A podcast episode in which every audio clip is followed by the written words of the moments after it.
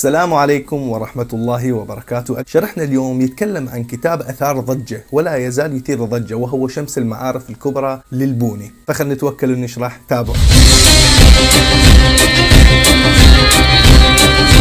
أيام الدولة العباسية يولد شخص في الجزائر في مدينة بونة سنة 1123 ميلادية أي ما يوافق 520 للهجرة. هذا الشخص اسمه أحمد بن علي. يتلمذ على المذهب المالكي ويصبح من أصحاب الطريقة الصوفية في سن مبكرة من حياته. كان شخص ورع هادي مصلي صائم ملتزم انطوائي نوعا ما عابد لله وحسن الخلق. غالب الوقت كان انعزالي. هذا عاش 120 سنة وتوفي في مصر ولم يتزوج أبدا. معروف على أصحاب الطريقة الصوفية الصوفية هو إيمانهم بالروحانيات. فالبوني نقدر نقول تخصص في هذا العلم وأضاف إلى الفلسفة والفلك وعدة علوم اقتبسها أثناء ترحاله. طبعا تنقل في حياته إلى عدة بلدان مثل مصر والعراق وبلاد فارس والشام وأصبح من كبار علماء الصوفية. ينقل بأنه في فترة من فترات حياته ظهرت على الشيخ علامات تنبؤات مثلا هو أول من تنبأ بزوال الدولة العباسية. عندما كان في الشام في خطابة مع ابن عساكر. عثورة على اللوحة الزمردية في مصر. واللي ما يعرف اللوحة الزمردية لوحة مصنوعة من الزمرد تعود إلى العصور الأغريقية القديمة. فقدت عام 600 يعني قبل ب 600 سنة. هذا اللوح يتكلم عن أسرار المادة الحية والخيمياء.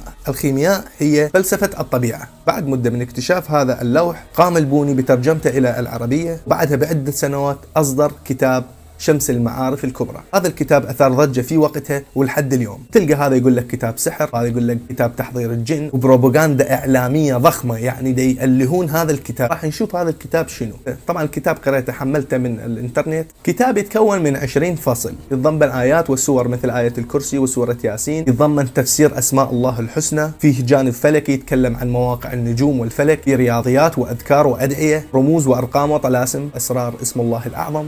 يعني حسب الكتاب هو كتاب ديني فلسفي. من الخرافات اللي تنقل على هذا الكتاب بأنه مجرد أنه تفتحه يجيك قرين. يبقى هذا القرين وياك ويخرب بيتك ويهجم بيتك ومجرد وجود هذا الكتاب بمكتبتك هذا يعني أنه بيتك تخرب لما تدخل على مواقع الإنترنت تشوف الناس كاتبة تجاربنا مع هذا الكتاب ومنزلينه دراما كاذبة الغرض من عندها مجرد اللايكات. طبعا رأيي الشخصي بالكتاب لأنه الشيخ هو صوفي يؤمن بالروحانيات أثناء انتقاله إلى مصر والعراق والشام وبلاد فارس خلال هذه المدة حاول يدمج الثقافات والفلسفات المختلفة في كتاب واحد. لما حصل على الفلسفة الإغريقية دمجها في الكتاب وعلم الأرقام أو الجمل هم دخله بالكتاب وحاول يفك بعض الرموز. الكاف ها عين صاد الموجودة في القرآن اسم الله الأعظم. نقدر نقول بأنه كتاب ديني صوفي فلسفي فلكي رياضي. هذه الخمسة دمجهن في الكتاب. ومثل ما ذكرت يوجد مجهود يعني الرجل هو قام بمجهود. زين هذه السمعة على الكتاب من اكتسبها؟ أنا أقول لكم من جهل العلماء في وقتها وفي اليوم. يعرفون الناس أعداء ما جهلوا. لما تنزل لهم كتاب فلسفي وهم كلهم متعلمين متدربين على المدرسة التقليدية. أكيد راح يشوفون هذا الكتاب شيء غريب. يحاولون يخوفون الناس من عنده لأنه ببساطة ما يعرفونه. جيل عن جيل كبرت هذه السمعة لحد ما وصلت عليها اليوم. نوصل إلى نهاية الشرح. شكرا جزيلا لكم على المتابعة. لا تنسون الضغط على اللايك والمشاركة في القناة. حتى يصلكم كل جديد. في أمان الله.